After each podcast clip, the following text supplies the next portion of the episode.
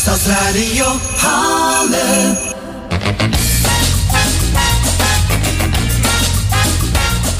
Een fotograaf die 52 jaar in de Basiliekstraat heeft gewerkt, sluit eind dit jaar zijn winkel. We praten erover met Fred de Rikkere.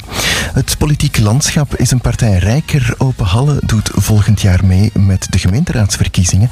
Lijsttrekker Jan Gijsels komt straks langs. En Nederlands leren als je hier niet bent opgegroeid is niet altijd even makkelijk. Maar Hallo Nederlands helpt je hierbij. Ze komen enthousiast hun project toelichten. Dit is Totaal van Streek, aflevering 21. Welkom.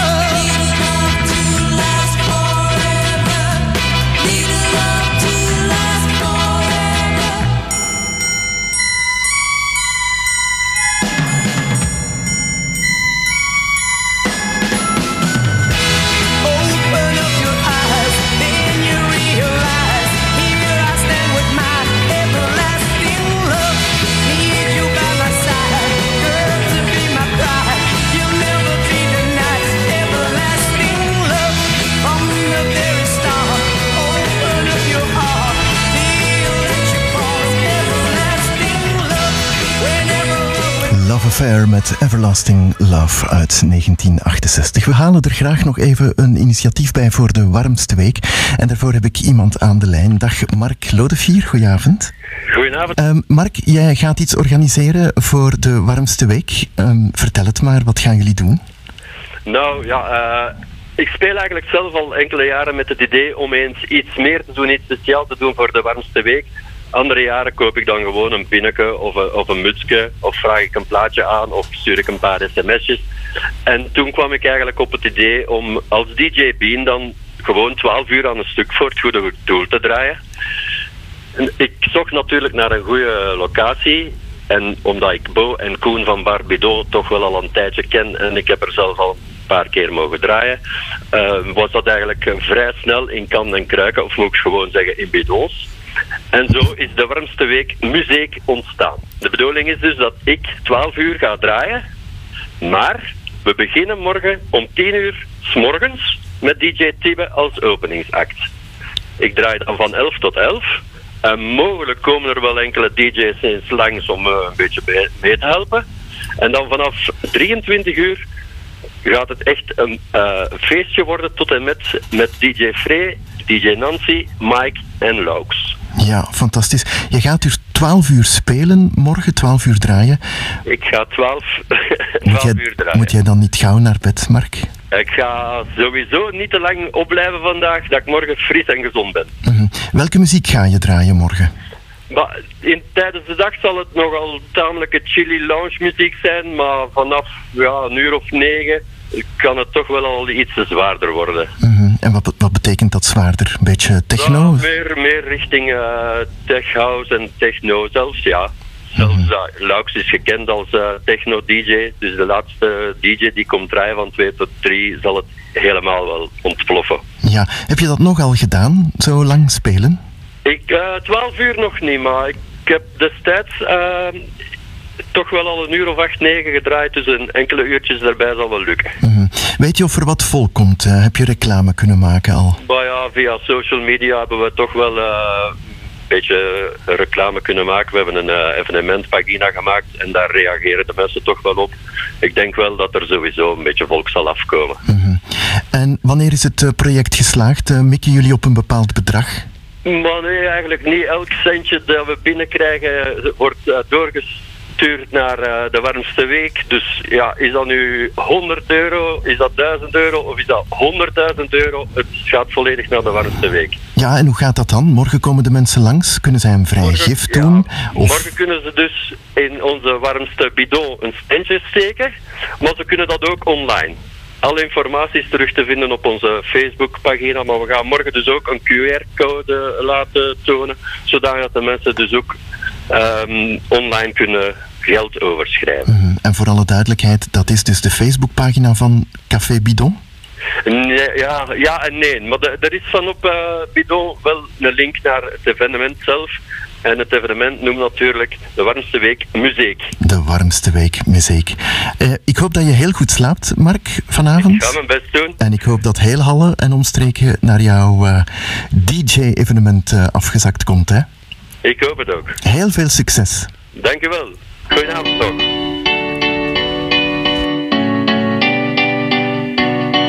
There was a time I used to look into my father's eyes. In a happy home, I was a king, I had a golden throne. Those days are gone, now the memories on the wall. Songs from the places where I was born. Upon a hill across the blue lake, that's where I had my first heartbreak. I still remember how it all changed. My father said, Don't you worry, don't you worry, child. See, heaven's got a plan for you. Don't you worry, don't you worry now.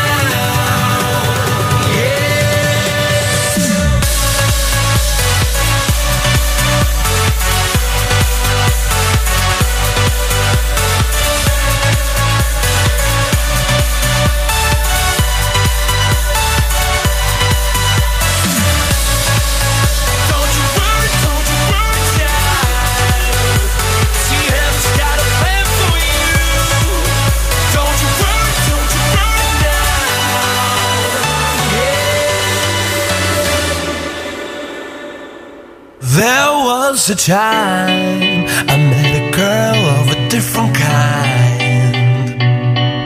We ruled the world. I thought I'd never lose her out of sight. We were so young.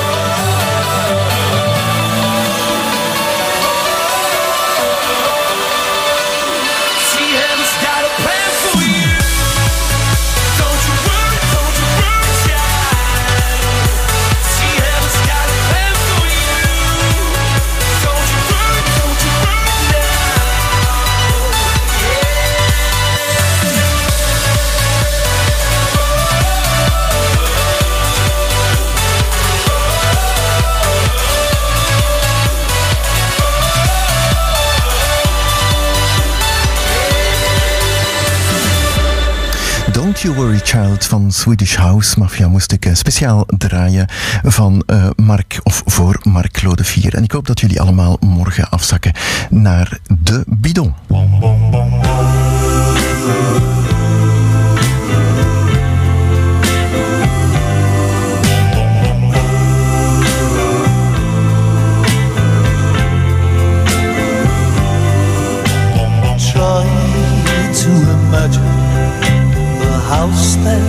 Not a home. Try to imagine a Christmas all alone. That's where I'll be since you left me. My tears could melt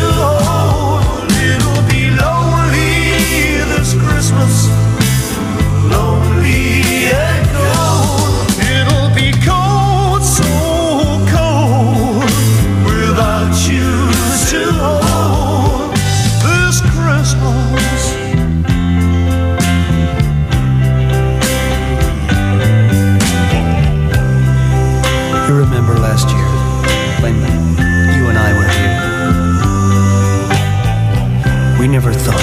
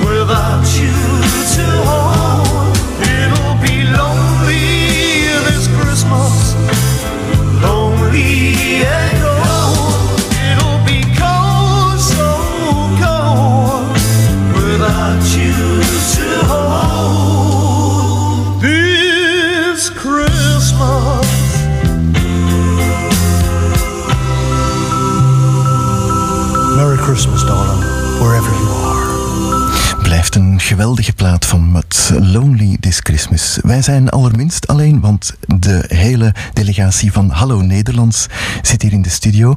Dag Lore, dag Gonda.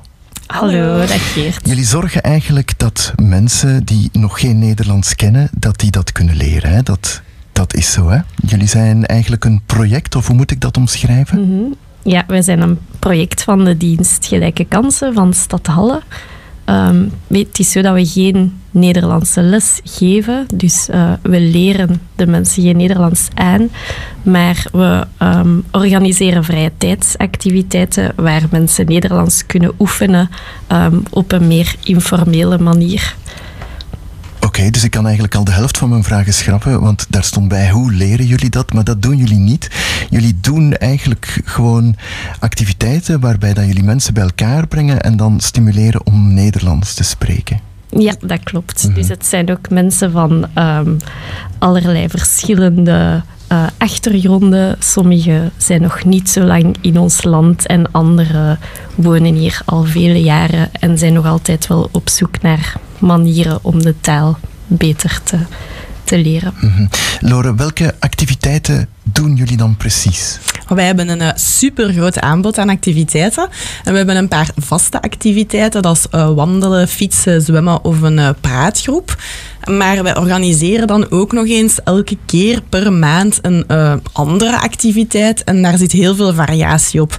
Ehm, een activiteit die persoonlijk ook eh, de voorkeur van mij en Gonda en van de meeste deelnemers heeft, is eh, koken. Ehm, dus dan koken wij samen en dan eten wij ook samen.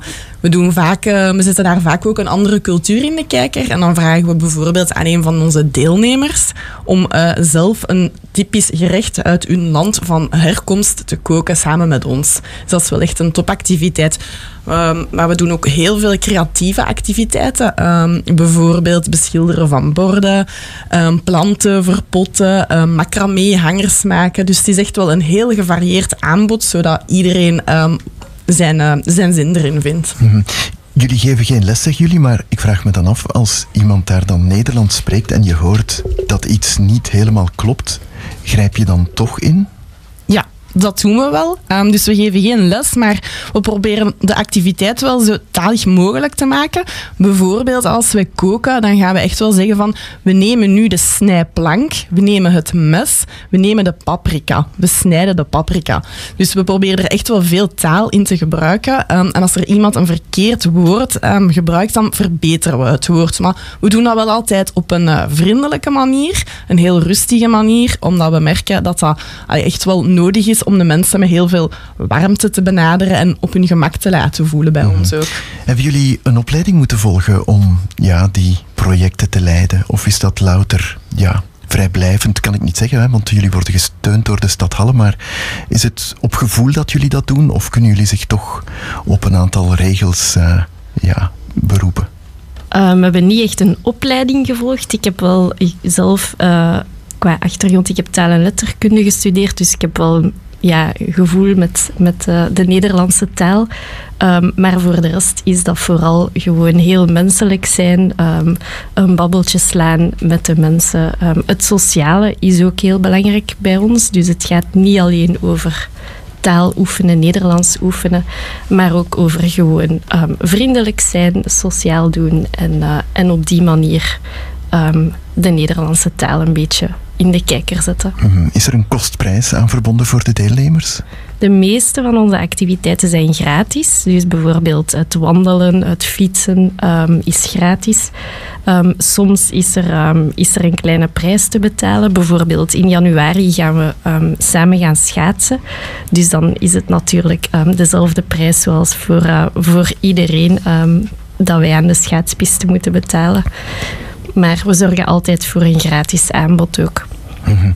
Hoe lang duurt het zo gemiddeld vooraleer iemand een beetje verstaanbaar wordt in het Nederlands? Want ik kan mij voorstellen dat jullie soms mensen binnenkrijgen die geen letter Nederlands spreken. Mm -hmm. uh, ja, hoeveel tijd hebben zij nodig? Daar zit heel veel variatie in. Ja, hoe snel of hoe goed dat iemand een taal leert, dat hangt af van zoveel verschillende factoren. Uh, sommige mensen zijn bijvoorbeeld laag geschoold, dan gaat dat een beetje trager. Um, of sommige mensen hebben een ander alfabet. Uh, dus dat hangt van heel veel verschillende dingen af. Daar kun je niet zomaar een termijn op, um, op plakken. Maar dat is ook het leuke aan Hallo Nederlands, dat iedereen daar welkom is en dat het eigenlijk niet uitmaakt. Dus of dat je een volkomen beginner bent of al heel goed Nederlands kan spreken. Hmm. Is, is er veel animo, Lore, voor Hallo Nederlands? Hè? Wie wil daar nu op afkomen? Wie wil eigenlijk nog graag Nederlands leren? Ja, er is zeker heel veel animo. Um, soms is het moeilijk om de doelgroep te bereiken, hè, omdat het ook um, moeilijker is om te gaan communiceren. Um, wat wij merken is dat er eigenlijk heel veel uh, studenten die uh, naar school gaan in LIGO of CVO Crescendo, um, dat die wel echt op zoek zijn naar extra oefenkansen, dus buiten de klas. wij gaan daar dan ook geregeld ons aanbod gaan promoten en dan merken we wel dat we opnieuw heel veel uh, nieuwe deelnemers bij ons krijgen. Maar het is niet altijd even gemakkelijk om, het, om, om heel veel deelnemers bij ons te krijgen.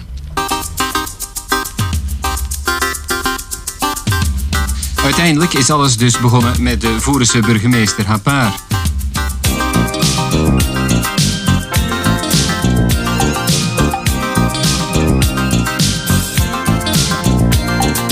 Ergens in Limburg José, Abba. Il a rendez-vous avec l'histoire. Het begon op school, in de klas. Ik wou dat de Vlaams wat Franser was. Slechte punten, altijd nul. Nederlands is geen flauwekul. Eh bien, José, nous en avons marre. Leer dan Vlaams. C'est trop tard. Happy werd groot, Happy werd boer. Hij kocht een huisje in de voer. Kweekt pruimen, peren, oepselij. Sirop de liège dat bij mij. Happy was lief, hij werd populair. À cause des problèmes communautaires. Hij kreeg een vriend, Ferdinand Ton. Charles Ferdinand, mais il est un peu... Eh bien, José, nous en avons marre. Leer dan Vlaams. Mais c'est trop tard. Happy was gelukkig, hij speechte, hij sprak. Werd burgemeester, sloot een school. Aux armes. Zei hij, Je m'appelle de Gaulle. schooltje dicht, mama's kwaad. Alleen omdat ik de Vlaams niet praat. Hij stuurde de kindjes À la maison. en voeren werd weer les fourons. Eh bien, José, nous en avons marre. Leer dan Vlaams. Mais c'est trop tard. Eh bien, José, nous en avons marre. Leer dan Vlaams. Mais c'est trop tard. Happy, Oh ja, eh, oui. Happy. Oui. Happy. Oui. Zeg eens, scheelt een vriend? Skilt en vriend. Nee, Happy. Sche, sche, scheelt. Skilt en vriend.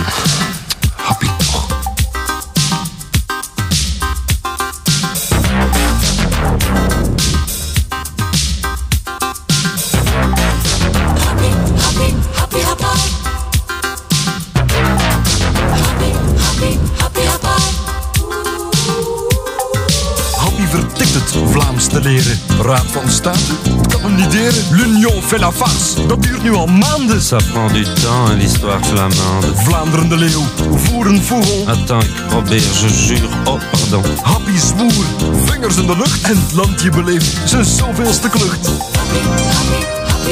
Eh bien, José, nous en avons marre. Leer dan Vlaams. Mais c'est trop tard. Ik zweer, getrouwheid aan de koning gehoorzaam. Uit aan de grondwetten, de wetten van het Belgische volk. Zo zwoerde Happy, het was geen mop. Maar Vlaams met flink wat aan erop. Marten zuchtte, Mesdames, Messieurs, le roi a tenu sa décision en suspens. Een farce, Een mop. een blague. een grap. Limburgse vla heet nu Happy Hap. De leeuw, de haan, manneke bus. Zolang everybody maar happy is.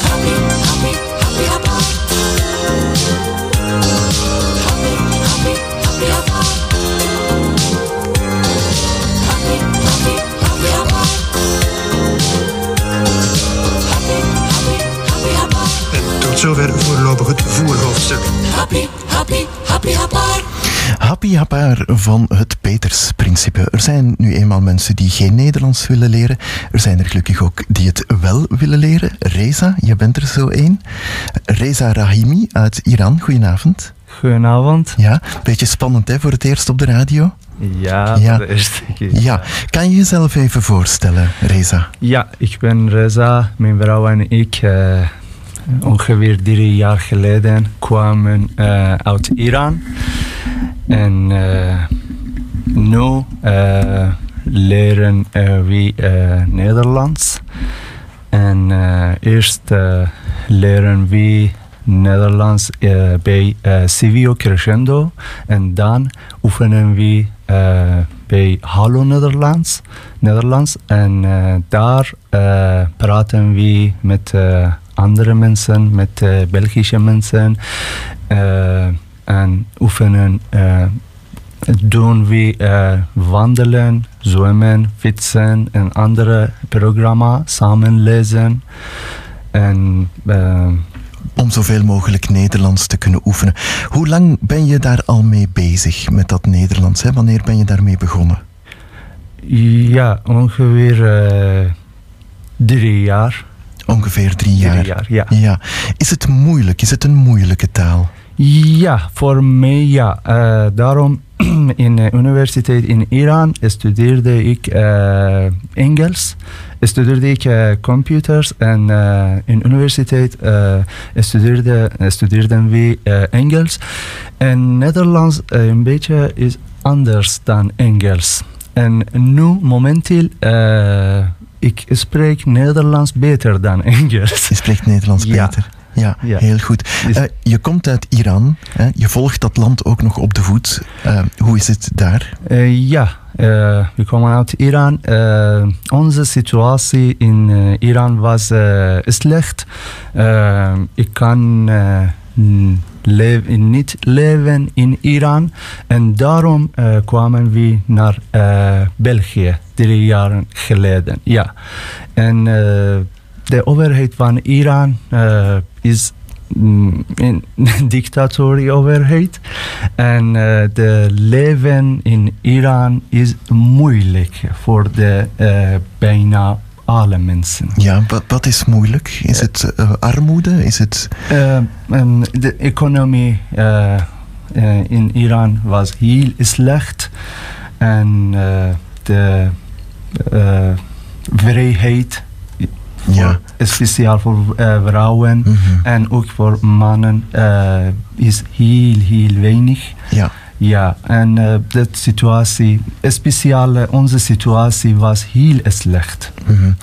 Volg je dat nu ook nog? Hè? Heb je eh, contacten nog in Iran? Of volg je wel eens radioprogramma's of, of iets dergelijks? Nee, nee, nee, nee. Alleen de familie van mijn vrouw woont in Iran en contacteren we alleen met de familie van mijn vrouw. Alleen, Ja. Je bent eh, naar België gekomen. Hoe is dat proces verlopen? Ben je goed opgevangen? Heb je snel een woonst kunnen vinden en dergelijke? Ging dat vlot of was dat moeilijk? Nee, is moeilijk. Is moeilijk. Ja. ja. Ehm, maar ook in Halle ben je dan terechtgekomen. Wat, wat vind je van Halle? Halle is een heel mooie stad. En eh, hier eh, heb ik heel goede eh, vrienden.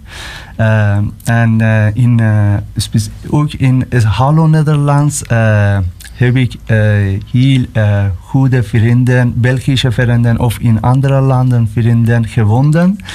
En Hallo Nederlands in Halle is heel belangrijk voor mij eh, om eh, de integratie, goede integratie en eh, communi- goede communicatie eh, in België. Ja. Lore, ehm, Gonda, dat is een perfect voorbeeld van wat jullie bereiken, bereikt hebben met Reza. Dat moet jullie heel veel deugd doen. Ja, absoluut. Ja, Reza is, is heel gemotiveerd ook eh, om Nederlands te leren. Dat is heel mooi om te zien. Hij gaat ook zelf ehm, op zoek naar andere mogelijkheden om extra Nederlands te leren. Hij is met vrijwilligerswerk gestart hier. Dus ik denk dat hij inderdaad een heel goed voorbeeld is van, eh, van iemand die heel hard zijn best doet om, eh, om de taal te leren. Maar de eerlijkheid gebiedt ons om te zeggen dat het misschien niet altijd even vlot gaat. Of nee. toch? Het is ehm, heel moeilijk voor heel veel mensen. En ik vind ook heel mooi dat Reza zelf heeft aangehaald dat Hallo Nederlands niet alleen maar wilt helpen bij oefenen van Nederlands, maar ook wilt helpen bij integreren in de stad. Dat doen wij door onze activiteiten op heel veel verschillende plaatsen in de stad te laten doorgaan, in samenwerking met heel veel organisaties van de stad ook.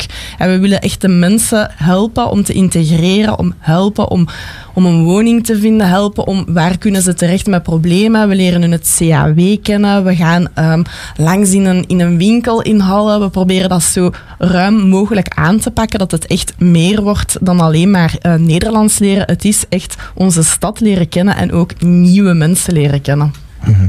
Reza, jij doet voorlopig vrijwilligerswerk. Wat, wat doe je precies? Eh, ja, eh, mm, bij Hallo Nederlands eh, leerde ik eh, bij eh, Avanza. En in Avanza doe ik vrijwilligerswerk. En daar help ik aan de oude mensen om te, digitale toetsen bij gsm, tablet of laptop te werken. En daar praten we met de oude mensen met verschillende accent, met verschillende eh leeftijden. En eh, door de, deze activiteit, vrijwilligerswerk, eh, oefenen we heel goed Nederlands en integratie en andere dingen. Ja. Maar je zou misschien op termijn ook graag een betaalde job doen. Hè? Je zou ook graag centjes willen verdienen. Ja, ja, dit is een heel goed idee. Ja, ja. Wat, waar kunnen we jou voor inschakelen? Waar ben jij goed in?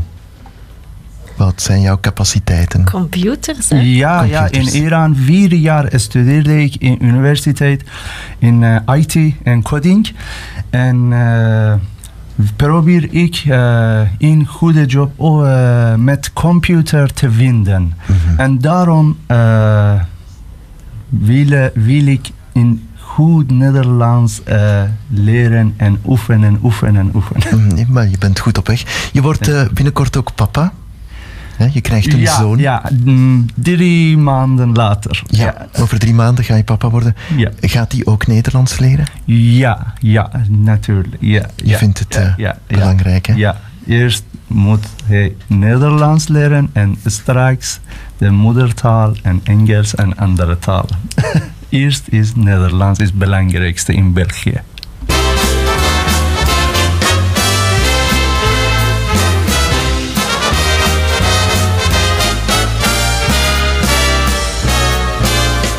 Zeggen laarzen, de Belg noemt dat botten.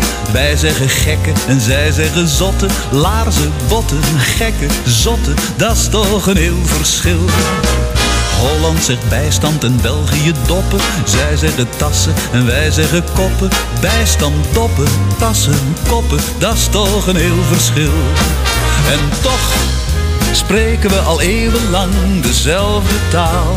En och, Eigenlijk is het verschil geen hinderpaal. Precies, dus hoor jij liever botten, dan zeg ik wel botten. En ik zeg wel gekken. Wel nee, zeg maar zotten.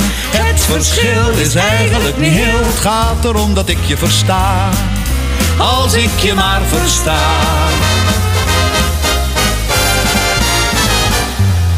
Als dat geen peen is. Nee, dat is een wortel en dit is cement. Oh, bij ons heet dat mortel. Peen of wortel, cement of mortel. Dat is toch een heel verschil. Jij noemt iets mooi. Terwijl jij dan weer schoon zegt en jij spreekt van wedden. Waar jij dan weer loon zegt. Mooi of schoon, Wedden of loon. dat is toch een heel verschil. En toch spreken we al eeuwenlang dezelfde taal. En och, is het verschil alleen fiscaal. Dus hoor jij liever botten, dan zeg ik wel botten. En ik zeg wel gekken. Zeg jij nou maar zotten. Het verschil is eigenlijk niet heel. Gaat erom dat ik je versta. Als ik je maar versta.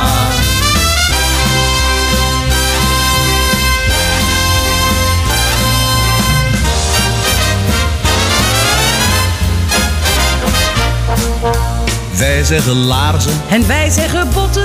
wij zeggen gekken. En wij zeggen zotten. Laarzen, Botten. gekken, Zotten. dat is toch een heel verschil. Wij zeggen bijstand Bij ons heet dat doppen. Wij zeggen tassen. en wij zeggen koppen. Bijstand, Doppen. tassen, Koppen. dat is toch een heel verschil. Hoewel, het verschil is als je het goed bekijkt, maar minimaal. Hoewel, Nou, we wonnen toch wel heel erg vaak bij tien voor taal. zeg wil jij een patatje? Ik lust wel een frietje. Ik weet wel een Een frietkop. snackbar margrietje. En ik betaal. Dat is niet normaal. Het gaat erom dat ik je versta. Als ik je maar versta.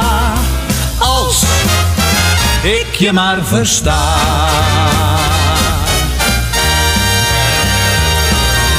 Zelfs tussen Vlaams en Nederlands zit er al verschil op de taal. Wat moet dat niet zijn als je uit een vreemd land komt? Dit waren Margriet Hermans en Weilen Robert Long.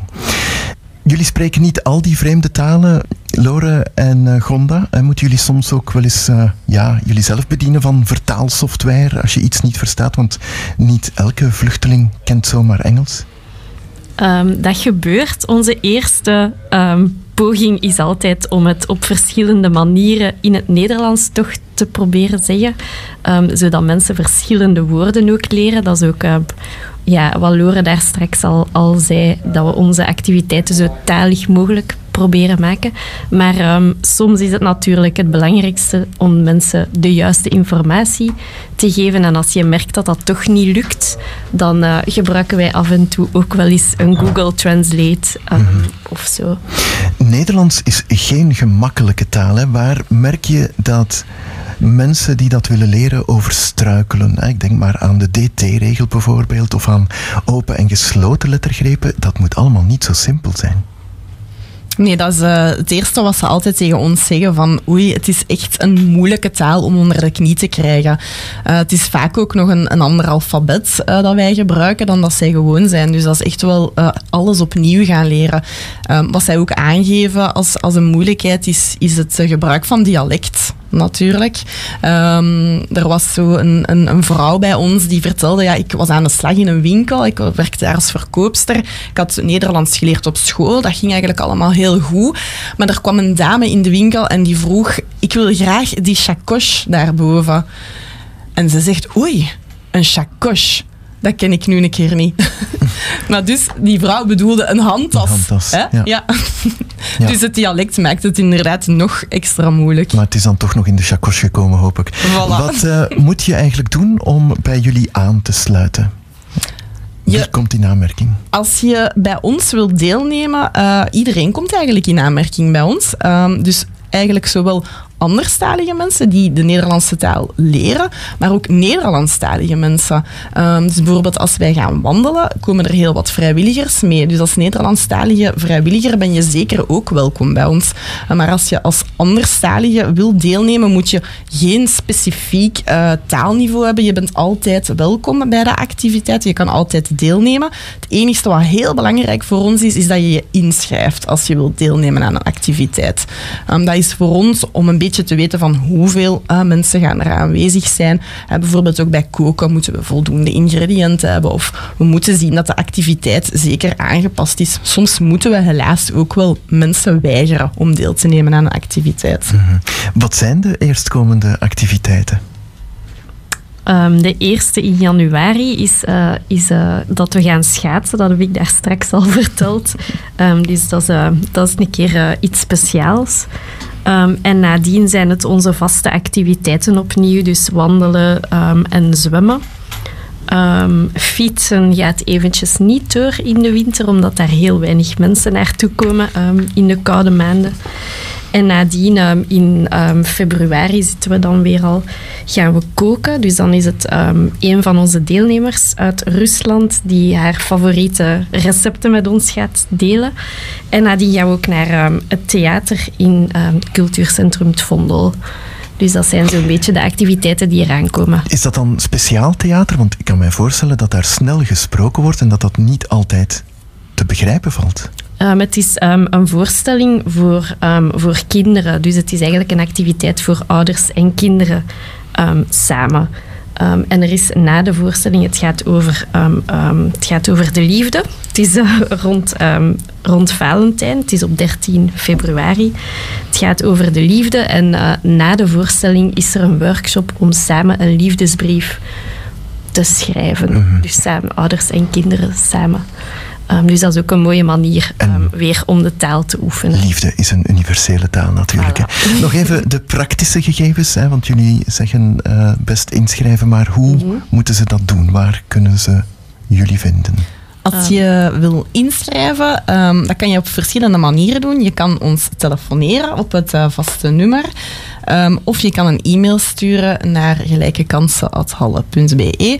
Of uh, je mag een sms of een WhatsApp berichtje sturen naar de gsm-nummer van Hallo Nederlands.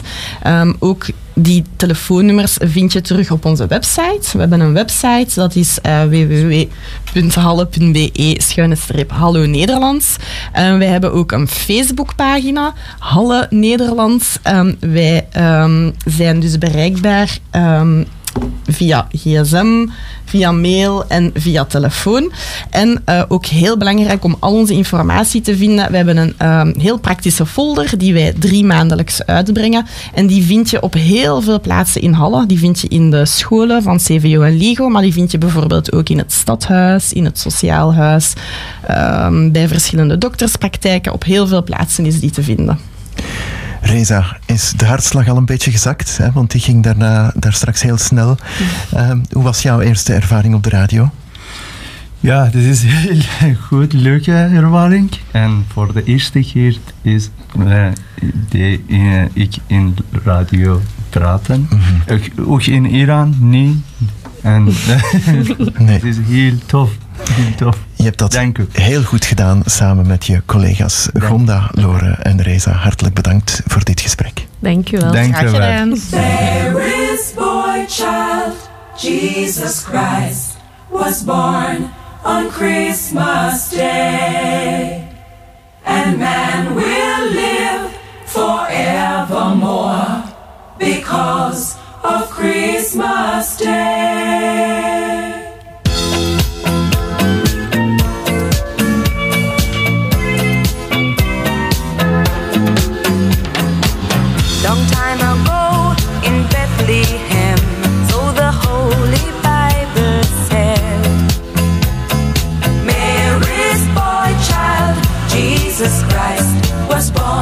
Christmas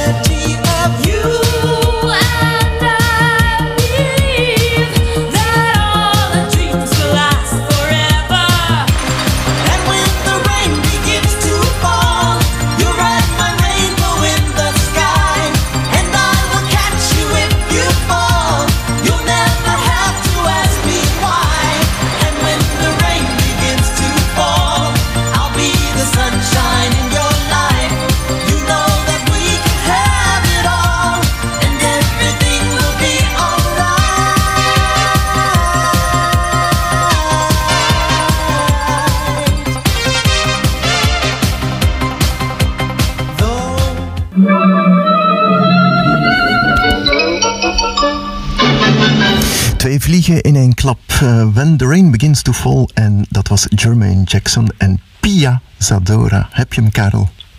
Ja, inderdaad. eh, het is weer hetzelfde liedje. Mhm. De storm zat er ook in, hè? Ehm, het is eh, storm met de letter P. Dat wil eigenlijk zeggen dat we al aan de veertiende storm zitten. Is dat normaal? Dat is niet normaal. Dat is toch wel, wel, wel heel hoog. Eh, moeilijk om direct van records te spreken natuurlijk. We zijn nog maar pas eh, aan de winter begonnen. Maar ja, het is, het is eh, heel opvallend toch. Hè? Ja, ja. Mhm. Heb je er ook zicht op wat ons nog te wachten staat? Of is dat koffiedik kijken? Ja, het is, nee, nee, zeker niet koffie kijken, maar het, het, het, begint een beetje te vervelen, Geert. Het is eh, toch steeds eh, ja, een variatie, moet ik zeggen, op hetzelfde thema dan gewoon, ja.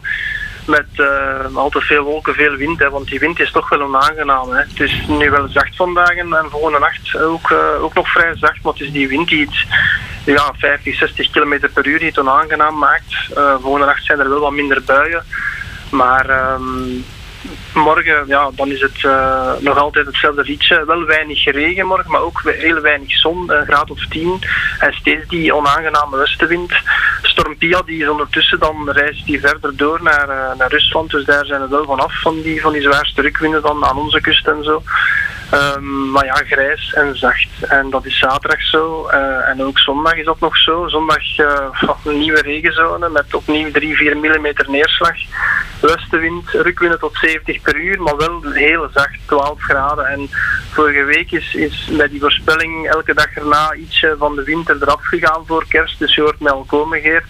En je hebt het al vernomen waarschijnlijk, het een groene kerst. Hè. Ja, vorige week zat er nog wat spanning op, hè? Want toen zei je eventueel kans op in de Ardennen. Dat gaat er dus niet van komen. hè? Ja, dat is er dag na dag een beetje uitgegaan. Dat is zo jammer. Maar ik had toen ook gezegd, dat het rond kerst is altijd heel moeilijk voorspellen. Dat is een moeilijke periode als die winter aanbreekt. Dan zijn er altijd meer moeilijkheden in de, in de berekeningen.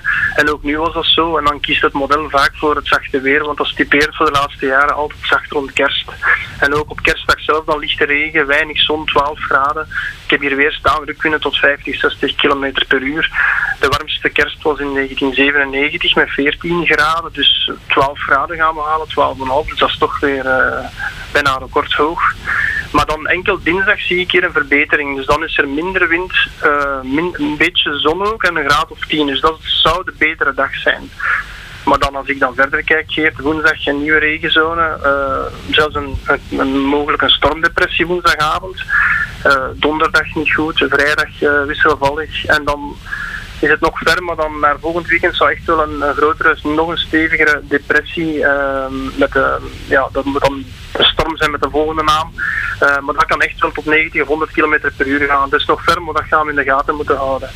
Maar het is dus gewoon de straalstroom die iedere keer ja, nieuwe stormen brengt. De ene keer voor, meer voor ons land, de andere keer voor Scandinavië. Dus dat is gewoon heel belangrijk, die straalstroom die steeds nieuwe dingen voedt naar ons land. Ja. Ja. Het gaat dus eigenlijk weer zo goed als alle dagen regenen. Het is weer een spetterend weerbericht, hè, Karel. Ehm, ja, zeg even terugblikken op de herfst van, eh, van dit jaar. Hoe, hoe hoog staat die qua nattigheid en zachtheid? Ja, valt het mee. ehm, de vierde plaats. Dus het kan wel nog natter. Ik denk in 74 eh, hadden wij 411 liter neerslag. Normaal hebben we maar de helft, 209. En dit jaar hadden we 283. Dus wel heel nat, maar nog niet recordnat.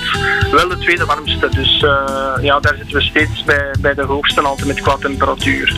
Eh, de eerste deel van de herfst was, heel, was vrij zonnig. En het tweede deel heel somber. Wat maakt dat het gemiddelde van de zon wel nog oké was.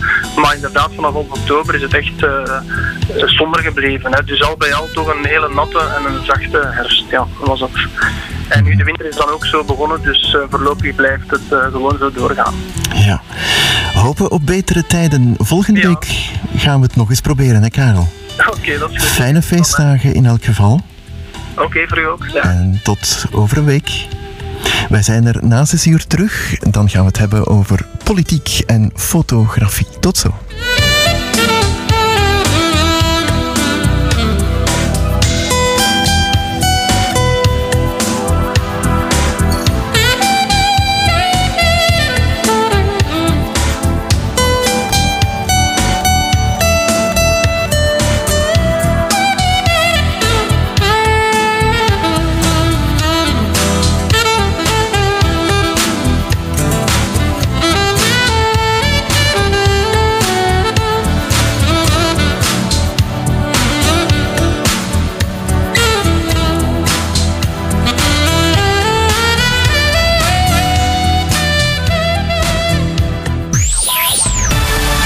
Is Stadsradio Halle.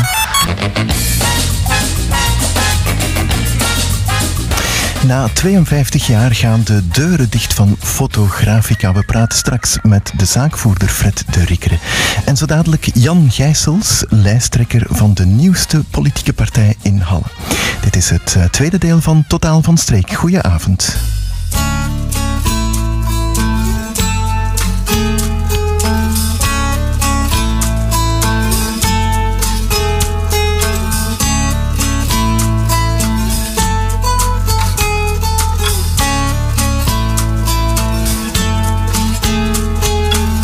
Get a fast car. I want a ticket to anywhere. Maybe we make a deal. Maybe together we can get somewhere. Any place is better. Starting from zero, got nothing to lose. Maybe we'll make something. Me, myself, I got nothing to prove.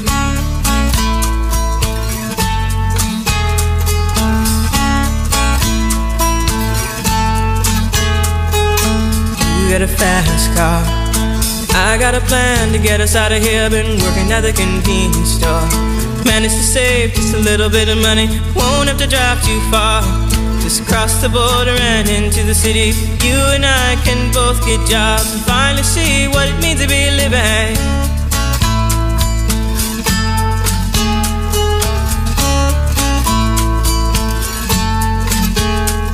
See, my old man's got a problem. Yeah, but the bottle, that's the way it is. He says body's too old for working. His body's too young to look like his. My mama went off and left him. She wanted more from life than he could give. I said, somebody's got to take care of him. So I quit school, and that's what I did.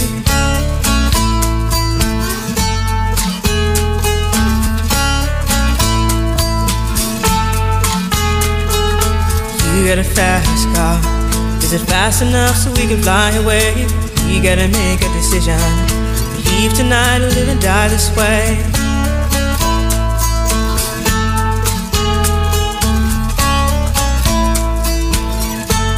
So I remember when we were driving, driving in your car. Speed so fast, I felt like I was drunk. City lights lay out before us, and your arm felt nice wrapped around my shoulder. And I, I had a feeling that I belonged. Had a feeling I could be someone, be someone, be someone.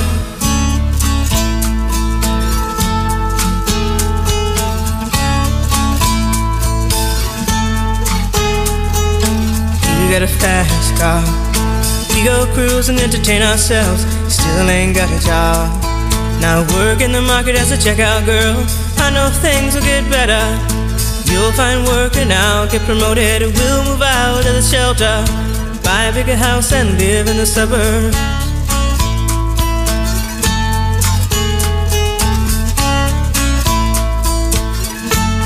So I remember when we were driving, driving in your car. Speed so fast, I felt like I was drunk. City lights lay out before us, and your arm felt nice wrapped around my shoulder. And I, I had a feeling that I belonged. I, I had a feeling I could be someone, be someone, be someone.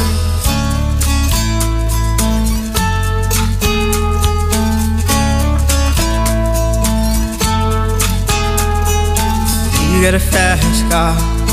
I got a job that pays all our bills. Of drinking late at the bar, see more your friends than you do your kids. I'd always hope for better. Thought maybe together you and me find it. I got no plans, I ain't going nowhere. Take your fast car and keep on driving.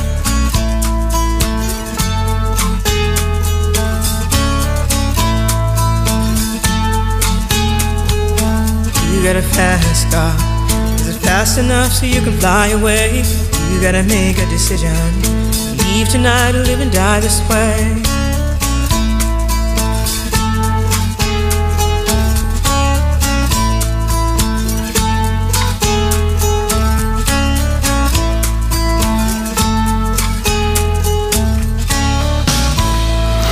Fast Car van Tracy Chapman.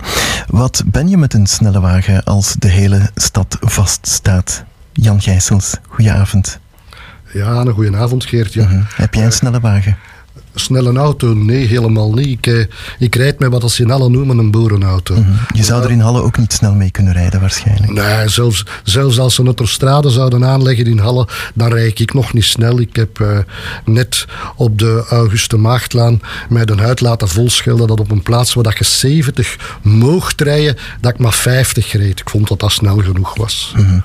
We alluderen natuurlijk een beetje op de nieuwe politieke partij die je gaat oprichten, Open Halle. Vertel er eens iets over. Ah, dan heb ik nieuws voor u. Die partij is opgericht. Wij bestaan en wij hebben ons bekendgemaakt. Eh ja, eh, het is tijd dat er in allen iets veranderd wordt. Deze stad moet in handen genomen worden en er moet een deftig beleid komen met inspraak van de burgers. Dat hebben we de afgelopen zes jaar, maar ook de jaren daarvoor weinig of niet gehad. En wat wij willen gaan doen, is de concrete problemen van de stad Hallen aanpakken. Niet de grote politiek, niet de ideologische debatten, maar onze lokale gemeenschap besturen. Mhm. Jullie willen de echte problemen van de Hallenaar aanpakken en oplossen. Is dat niet de belofte van elke politicus aan het begin van zijn carrière? Eh, ja, natuurlijk. Alle politiekers maken veel beloften. Eh, het enige excuus dat wij hebben is dat we nog maar juist politieker geworden zijn. En dat we het absoluut menen wat dat we zeggen. En dat we ook bezig zijn aan concrete dossiers aan het werken. Dat we de discussie niet uit de weg gaan. Mhm. Wat zijn de problemen van de Hallenaar? Ja, je moet natuurlijk eh, niet ver gaan zoeken om de problemen in Halle te vinden. Van de week was het weer al prijs dat gans het verkeer stilstond in Halle. Hè. Ehm, eh, dat is dramatisch eigenlijk. Hè. Eh, maar naast verkeer hebben we ook een gigantisch waterprobleem, waar daar regelmatig het stadscentrum onder water staat. En de oplossingen die men daarvoor bedenkt zijn genre pleister op het houten been. We gaan namelijk bij de winkels die je overstromen, gaat men schutplaatsen zetten. Weet je wat? De volgende keer dat het overstroomt, moet men erbij zetten bij de winkels die ze nog niet hadden. Als men zo blijft verder doen, staat er een vijver aan de bibliotheek. Eh, dus niet alleen de, de, het verkeersprobleem, de, daarbij inbegrepen de parkingproblematiek, het waterprobleem, ook het probleem van de veiligheid. Veertien dagen geleden is er weer een meisje eh, geagresseerd geworden aan het station. Men wil ons in Halle, wat op zich een goed idee is, zeggen dat we meer het openbaar vervoer moeten gebruiken. Maar als je wilt dat openbaar vervoer gebruikt wordt, moet je in de eerste plaats buiten dat op tijd moet komen, ook zorgen dat het veilig is. En zorgen dat het veilig is, dat is een taak van de stad. De stationsbuurt moet terug veilig worden. Mhm. Ik heb gelezen dat jullie eigenlijk openstaan voor iedereen die een probleem heeft. Kom maar aankloppen, staat er. Ehm, gaan die problemen elkaar dan niet tegensteken? En er zijn mensen ja, die graag door de stad willen kunnen rijden. Er zijn er dan weer anderen die het liever wat rustig hebben. Jullie kunnen niet voor iedereen goed doen. Nee, politiek is ook niet voor iedereen goed doen. Politiek is naar iedereen luisteren en dan beslissingen nemen. Maar beslissingen nemen niet boven de hoofden van de mensen, na discussie met de mensen. En dus wij gaan uiteraard naar iedereen luisteren, maar als we iets niet volgen, gaan we ook zeggen waarom niet. Mhm. Dat is een heel duidelijk antwoord. Je bent lijsttrekker, hè, maar je wordt goed omringd door andere politici, andere partijen ook, die mee in het project zijn gestapt. Wel, eh, eh, wij hebben het geluk van drie groepen die elkaar hebben kunnen vinden.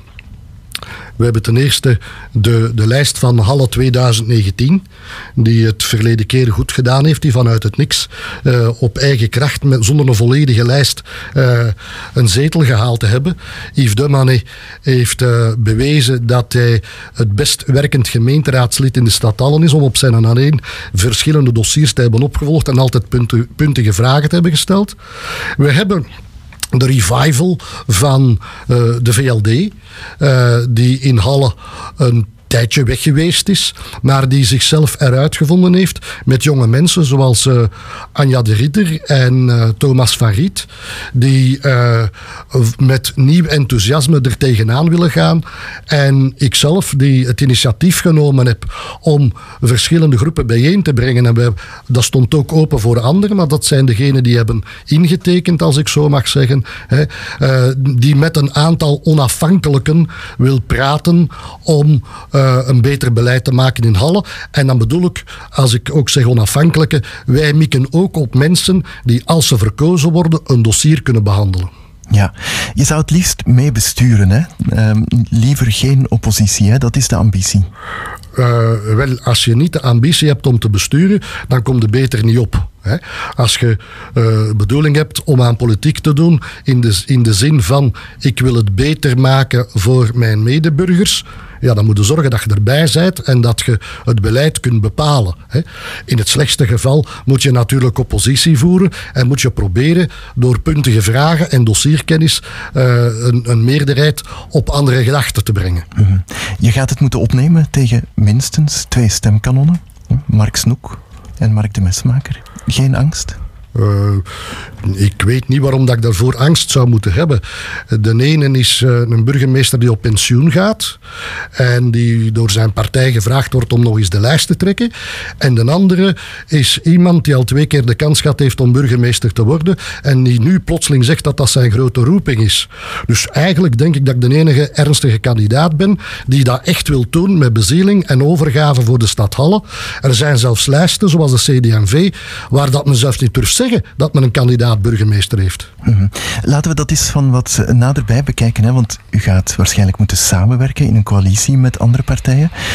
De huidige coalitie, CD&V, eh, Vooruit en Groen, die de auto misschien net uit de stad willen bannen, dat zal moeilijk worden. Wel, ehm, in de huidige coalitie, ik weet niet of dat men het daar allemaal onder elkaar zo eens is. Hè.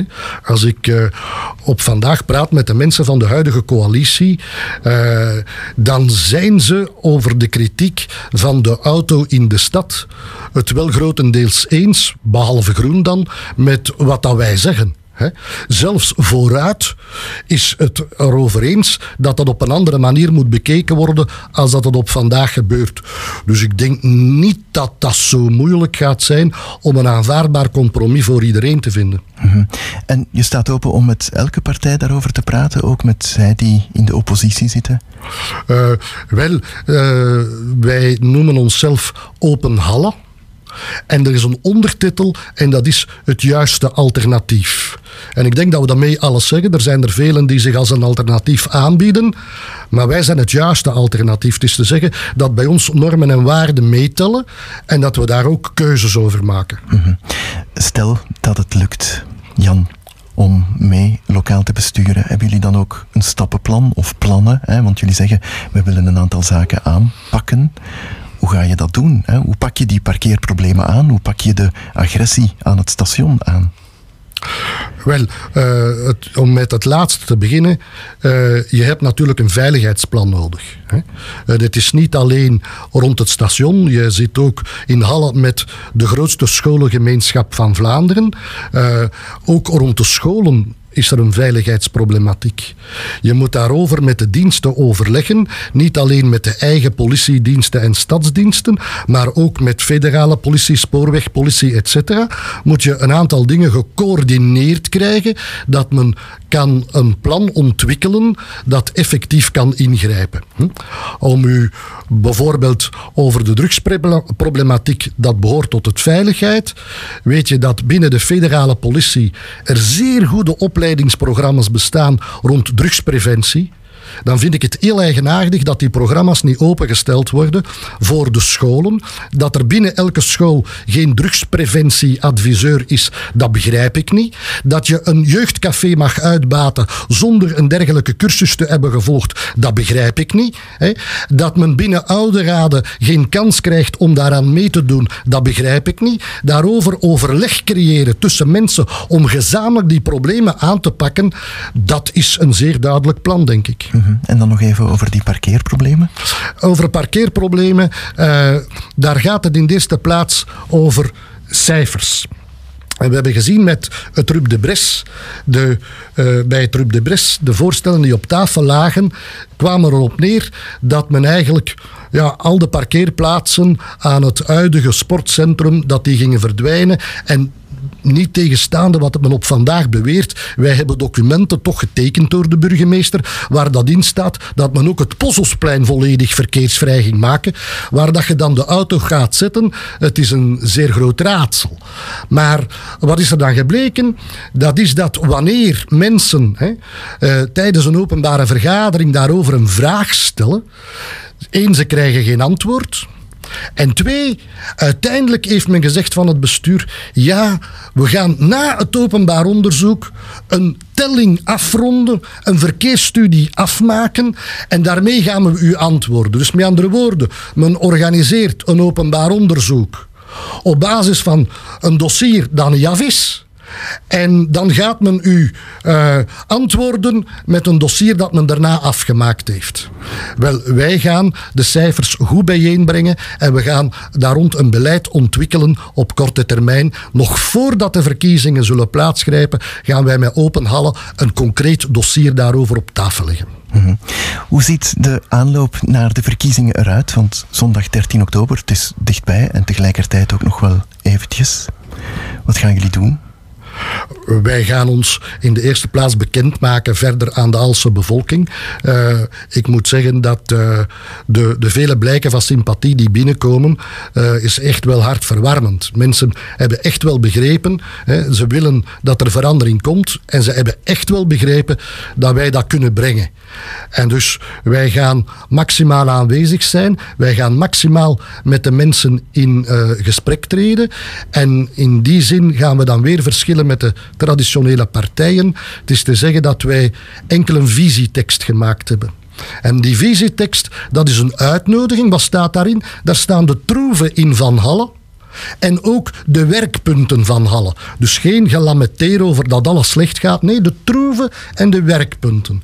En daarover gaan wij in gesprek gaan met de burgers, onze eigen ideeën daaraan toetsen. En daaruit gaan wij een concreet programma distilleren waarop dat men ons de, de volgende verkiezingen mag afrekenen.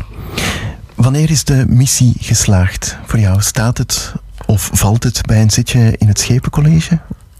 Eh, het staat en valt als er een nieuw beleid komt in Halle. En mijn natte droom is natuurlijk dat ik burgemeester mag worden van de stad.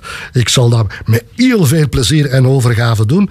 En al de mensen die op onze lijst staan, ja, die willen graag in het stadsbestuur zitten en daaraan meewerken. Hè. Dus als je mij nu vraagt, eh, de, de hele natte, overstromende droom van de stad is dat we een absolute meerderheid hebben. Maar hé, hey, dat ligt nu in de handen van de mensen. Hè. Men gaat deze keer in Halle niet kunnen zeggen dat men geen alternatief heeft. Wij bieden een juist alternatief aan. Jan Gijsels, hartelijk bedankt voor dit gesprek en veel succes. Dank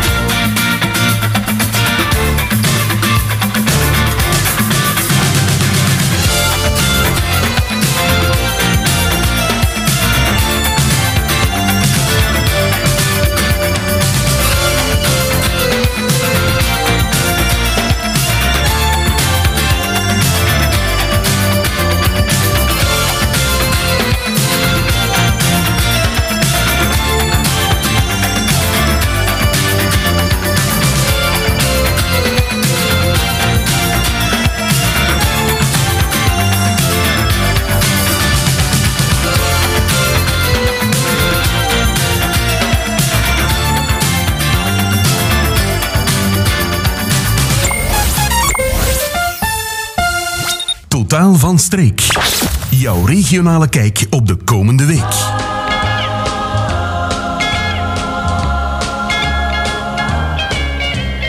Rocking around the Christmas tree at the Christmas party hop. Mistletoe hung where you can see every couple tries to stop. Rocking around the Christmas tree, let the Christmas spirit ring.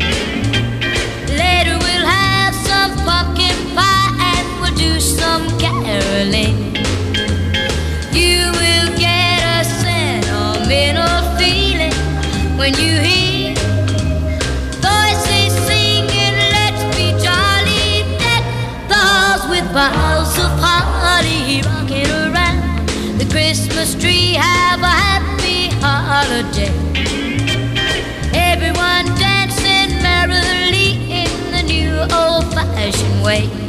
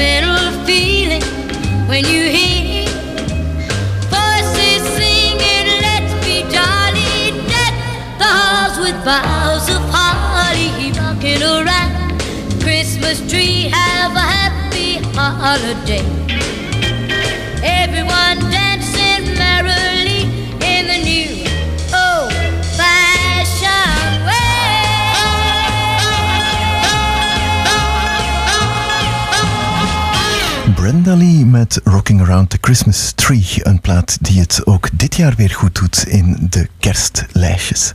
Fred Rikkeren, goedenavond.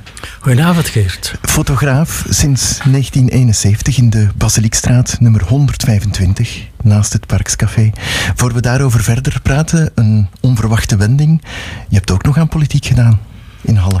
Ja, inderdaad.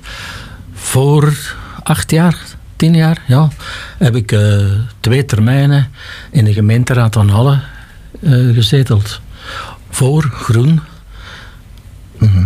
Dus je hebt met eh, ja, extra aandacht geluisterd naar het nieuwe politieke initiatief van, van Jan Ja. Gijsels. Wat vind je ervan?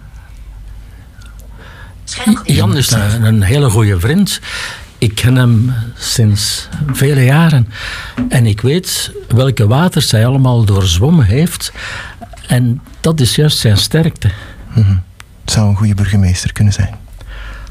Zou kunnen zijn. Ehm, je bent eh, niet van hier, hè Fred? Je bent geboren in West-Vlaanderen. Ja, ik ben West-Vlaming.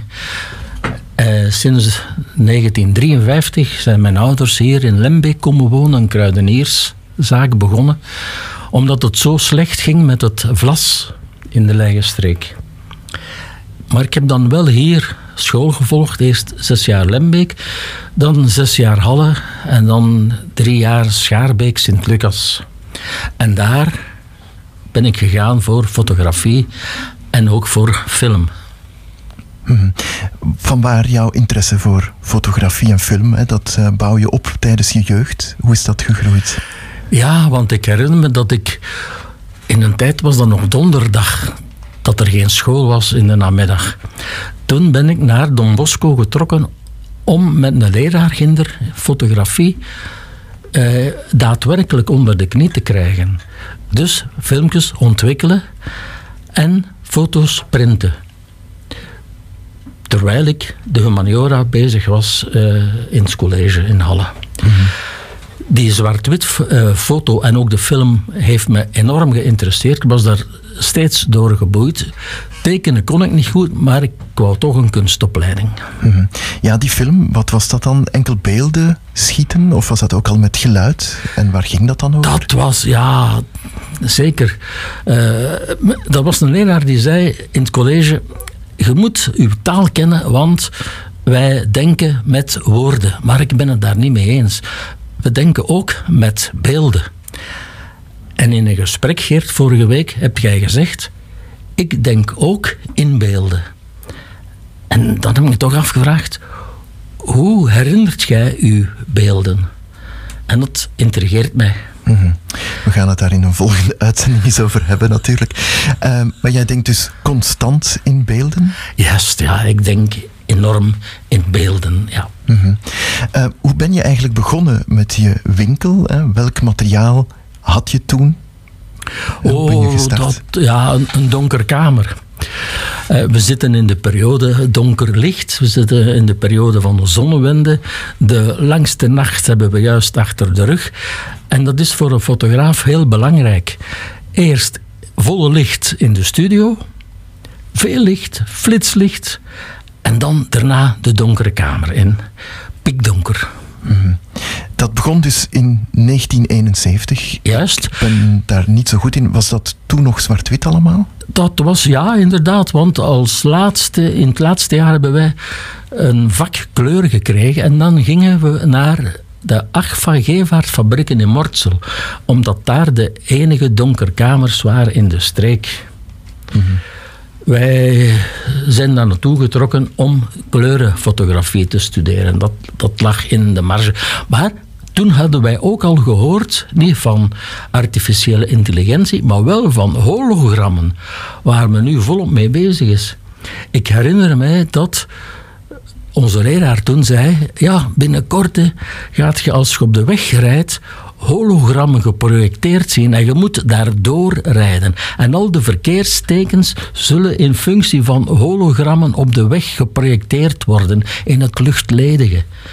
Ja, en ja, dat is weer die beeldentaal die naar voren kwam. Na na na na na na na. Na na na na na na na. Na na na na na na na. Na na na na na na na. Als ik in mijn donkere kamer al die foto's overzie, zoek ik dikwijls naar een hamer.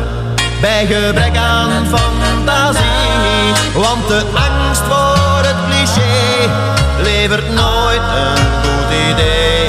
Ik sla de boel liever aan stukken fotografie, de fotografie, de fotografie, de fotografie, de fotografie, de fotografie, de fotografie, de fotografie. Want de angst voor het cliché levert nooit een goed idee. Dat is het drama in de fotografie.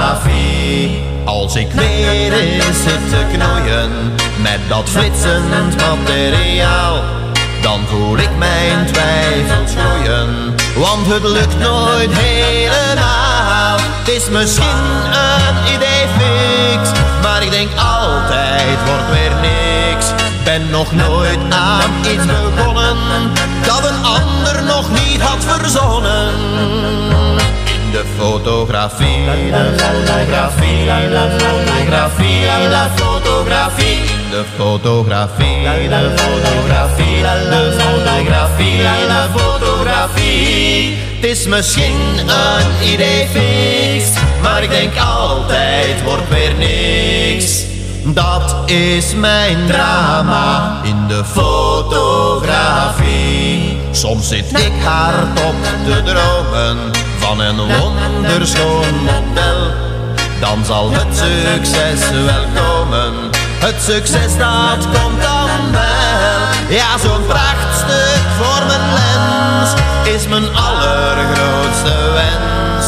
Hoef alleen maar goed te mikken in de hoop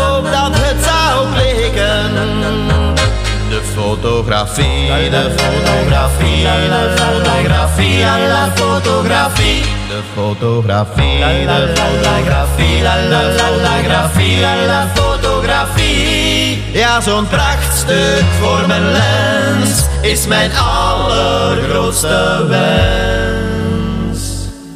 Dankzij het wonder van de fotografie. Zo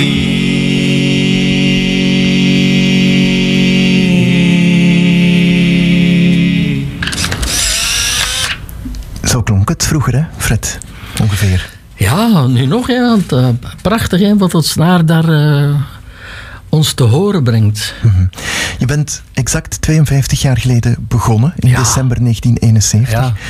Hoe lag de Basiliekstraat er toen bij? Oh, heel veilig. Ik herinner me dat als wij toen rondreden met de fiets, wij geen slot op onze fiets hadden. Dat bestond niet. Ook geen ketting meenamen om onze fiets vast te leggen. Dat bestond niet.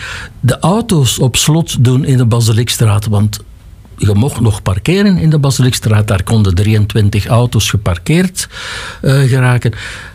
Ik herinner me nog dat er een bepaald moment dat ik iets nodig had in mijn wagen, dat ik daar naartoe ging en daar zat vooraan een vrouw in mijn wagen die ik niet kende. Eh, ik ga daar naartoe en ik vroeg mevrouw, eh, wat, wat, ja, ik zit in de verkeerde auto. Maar die auto, mijn auto was open. 50 jaar geleden. Dat is toch niet zo lang geleden, hè? 50 jaar geleden. Dan. Ik, ik hoor net dat de Basiliekstraat toen bij de beste tien straten, winkelstraten van Ja, België inderdaad, was. ja. Hè, hoger aangeschreven dan de Bondgenotenlaan in Leuven. Ja, dat klopt. Heel veel activiteit toen. Het is veranderd, hè? Ja, dat is 50 jaar verschil. Maar dat komt. eh, De, het hoogtepunt van de Basiliekstraat is wel geweest in het begin van de jaren 80, toen het echt verkeersvrij werd. Eh, er is een discussie geweest, maar die discussie was niet zo groot. Ik herinner me dat het oorspronkelijk eh, voor de politiekers bedoeld was dat het verkeersvrij zou worden tot aan de Zenne dus eh, de molenborren. En dat, dat ik dan rondgegaan ben om te vragen eh, in de Bosstraat, het gedeelte van de Basiliekstraat dat iedereen nog wel kent. En daar was iedereen op ene man na akkoord om het verkeersvrij te maken tot aan de bibliotheek, de huidige bibliotheek. Eén anekdote nog. Er waren twee broers in Halle. En de ene was er voor en de ander was tegen een verkeersvrije straat. Maar dat was toen het begin van de echte bloeiperiode van de Basiliekstraat.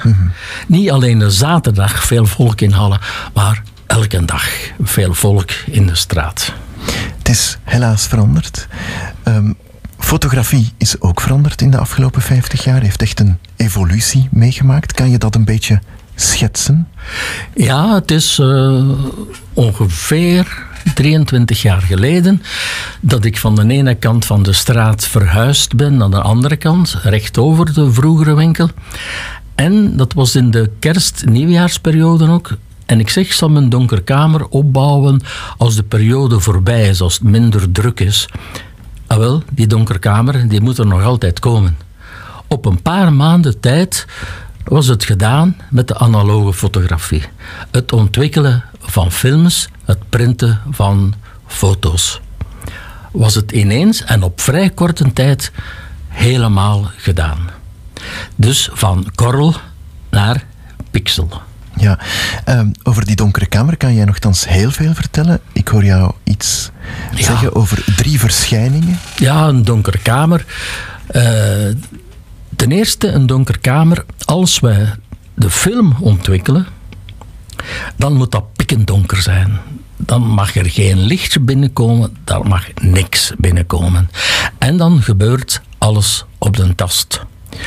Als we dan de film hebben ontwikkeld en we moeten hem printen, dan mag er licht branden in de donkerkamer. Twee soorten licht. Rood licht, rood lampje voor orthomateriaal. En geel licht voor papiermateriaal. Want het fotopapier was alleen gevoelig voor blauw licht. Dus niet voor geel licht. Dus dat zijn de drie verschijningen van een donkere kamer. En in een donkere kamer gebeurde oorspronkelijk alles voor de ontwikkeling van de film. Volledig in het duister en alles op de tast. De film werd uit het spoeltje gehaald, werd opgerold op een spiraal, in een tank gest- gestoken en de tank volledig lichtdicht. Dan daar ontwikkelaar in, spoelen na 10 minuten ongeveer. Het ging af van de soort film, van de gevoeligheid van de film. Na, daarna het spoelen was het fixeren en dan kon het licht aan en kon men kijken en was men altijd heel nieuwsgierig wat er op de film stond.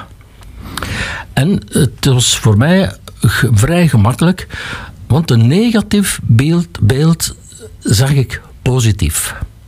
Dat is pure gewoonte. Als je iets bekijkt en je ziet dat niet negatief, nee, ik, zie, ik zag het in positief. Goed, eh, je hebt het al heel even aangehaald, hè? geen korrels meer, maar pixels. Ehm, in de digitale fotografie kwam het aantal pixels overeen met het aantal korrels. Kan je dat vergelijken? Je kunt het moeilijk vergelijken. Eh, men had vroeger films van 18 din, dat is 50 ASA, 50 ISO. Had men films van 100, 200, 400, maximum 1600. Nu heeft men digitale overbrengers waar je een bestand hebt van 105 megabyte voor één foto. Daar heb je een computer voor nodig om die foto te bewaren. Dus met op een gsm bewaren zou zelfs niet meer lukken voor één foto. Dus het is moeilijk te spreken over de vergelijking van pixels en van korrels.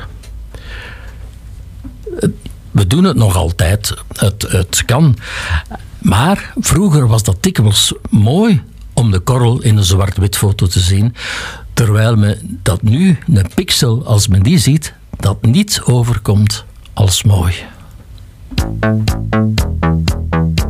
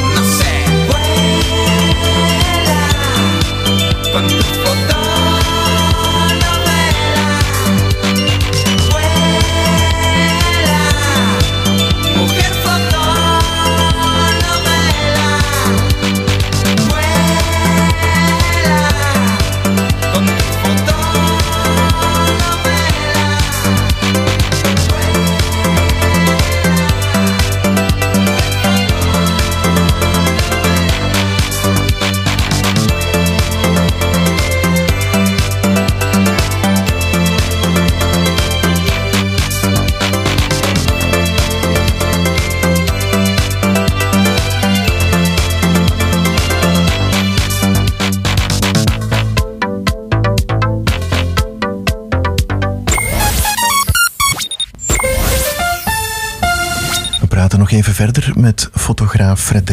Eh, Fred, we kregen een vraag van een luisteraar. In de muziek is men geëvalueerd van grammofoon naar digitale geluidsdragers en terug weer naar grammofoon. Zit die evolutie er misschien ook in, in de fotografie? Die evolutie is volop bezig, Geert.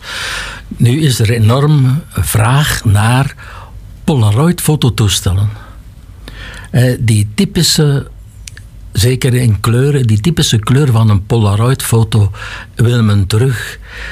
Ook komt men nog regelmatig wegwerpfototoestel halen, omdat die films ook moeten ontwikkeld worden en die kleur toch iets speciaal is. Niet de, de kleur van de digitale fotografie, eh, waar je met software alle kleuren kunt bekomen. De kleuren van een negatief film, die liggen vast met drie lagen, magenta, cyaan en geel. En daarmee kun je niet alles doen. Het is inderdaad zo dat veel mensen teruggrijpen naar die nostalgie van die kleuren. En in- inderdaad, er is terug vraag naar vooral wegwerptoestellen, eh, naar oudere camera's. Maar het grote probleem is daar de batterijkes. Van die oudere camera's, die batterijkes zijn niet meer overal te vinden.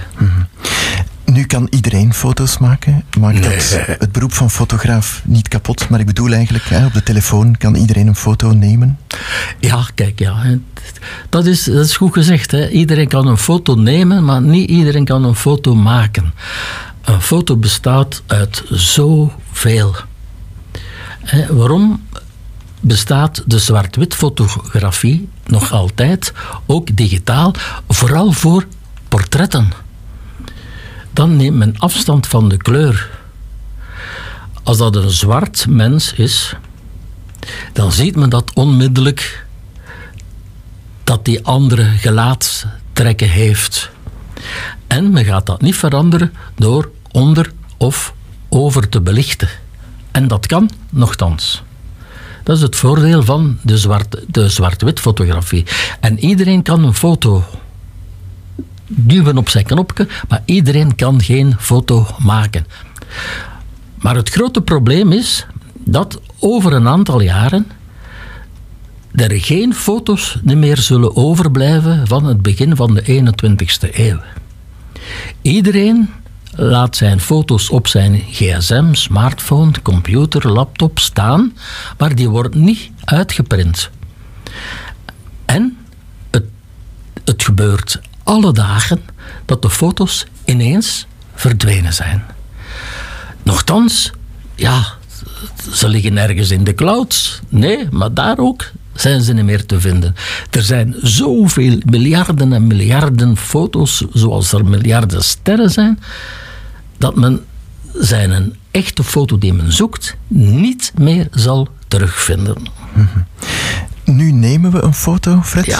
Vroeger trokken we foto's. Ja, dat is, dat is een mooi beeld. Hè. Foto trekken, dat komt uit die oude camera's die vooral in de studio's stonden. Eh, portretcamera's met een negatief van 4, 5 duim of 5 maal 7 duim. En die foto, die, die sluiter, die deed men afgaan door aan een koordje te trekken. Vandaar een portrettentrekker. Ja. Fred, eh, je gaat ermee ophouden, stilaan. Hè. Op het einde van het jaar gaan de deuren dicht. Mensen kunnen nog langskomen. Tot, tot wanneer? Ja, tot de laatste dag van het jaar. Hè. Eh, ik maak nog regelmatig, ja, alle dagen nog pasfoto's. Ik druk nog alle dagen foto's af.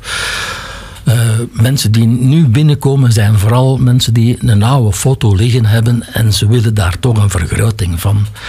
En dat doe ik nog dagelijks. En pasfoto's zeker. Ja. Wat, wat is de mooiste foto die je genomen hebt in je carrière? Wel, eh, de mooiste zwart-wit foto die ik gemaakt heb, is een foto in het kasteel van Beersel. Een huwelijksreportage, begin van de jaren 70, waar ik boven in het kasteel stond, in die gang boven, en het koppel stond beneden. En als achtergrond waren er alleen die kasseistenen van de binnenkoer van het kasteel van Beersel. En in zwart-wit, bruid in het wit, bruidegom in het zwart en dan de kasseistenen in zwart-wit. Dat was de mooiste foto in zwart-wit dat ik gemaakt heb, maar de mensen zelf, de trouwers, vonden die niet mooi. Dat was mijn eerste ontgoocheling. Dan de mooiste kleurenfoto, die heb ik gemaakt in eh, Marrakesh voor een paar jaar. Eh, een straat met enorm veel licht. Daarvoor een donkere gang met langs iedere kant een fiets. En op de achtergrond de donkere beenhouwerij, een vleeshouwer die daar bezig was in Marokko. En het verschil tussen licht, schaduw, dat was de mooiste kleurenfoto die ik gemaakt heb. We gaan afsluiten met een nummer van een artiest die je absoluut wilde horen. Lieven Tavernier. Je hebt hem nog ontmoet, hè? Ja, inderdaad. Vorige woensdag heeft Lieven nog opgetreden in, eh in Gooik voor een volle zaal. Het, was, het was prachtig. Mhm. En jullie zijn van dezelfde maand en van hetzelfde jaar. Ja, we schillen elf dagen. Dankjewel voor dit zeer fotogeniek gesprek. Dit was Totaal van Streek, aflevering 21. Volgende week zijn we er terug en dan wordt het een compilatie, want u kan alle gesprekjes terugvinden. Moet maar eens eh, in uw podcast-app zoeken naar Geert Portretteert en dan vindt u de gesprekjes van de laatste vier maanden terug. We luisteren naar Neerhof van Lieven. Tot volgende week.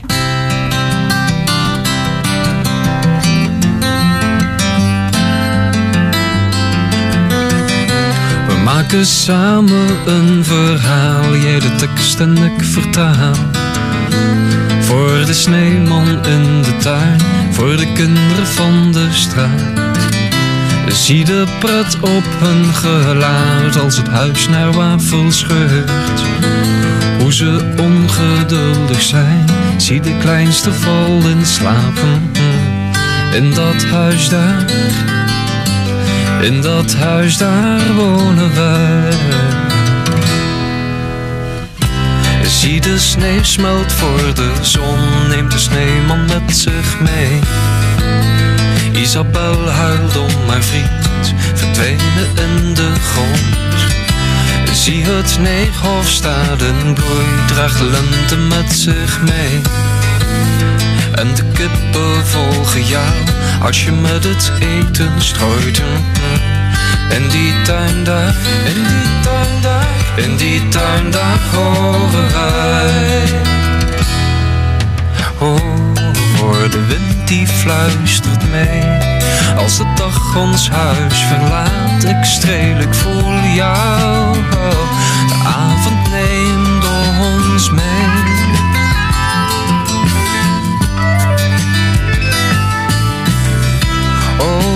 Vertel me wat je voelt. Kom, vertel me wie je bent. Leg je glimlach niet opzij. Maak je lichaam vogelvrij. Laat de wereld maar begaan. Laat dit eiland voortbestaan. Haat de taal van jouw geluid. En de zachtheid van je stem. In dat bed daar, in dat bed daar, in dat bed daar horen wij. Hoor, de kinderen huilen weer. En de nacht is pas verhuisd. Ik streel, ik voel jou. De morgen neemt je mee.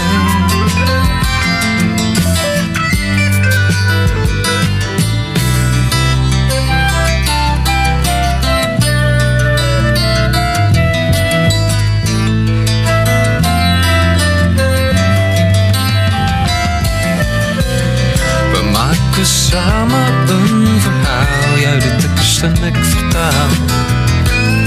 Voor de merels in de tuin. Voor de kinderen van de straat. In die straat daar. In die straat daar. Wonen wij. Oh, hoor de zomer om ons heen. En de zon kleurt jouw gelaat. Ik streel, ik voel jou. Morgen neemt ons mee.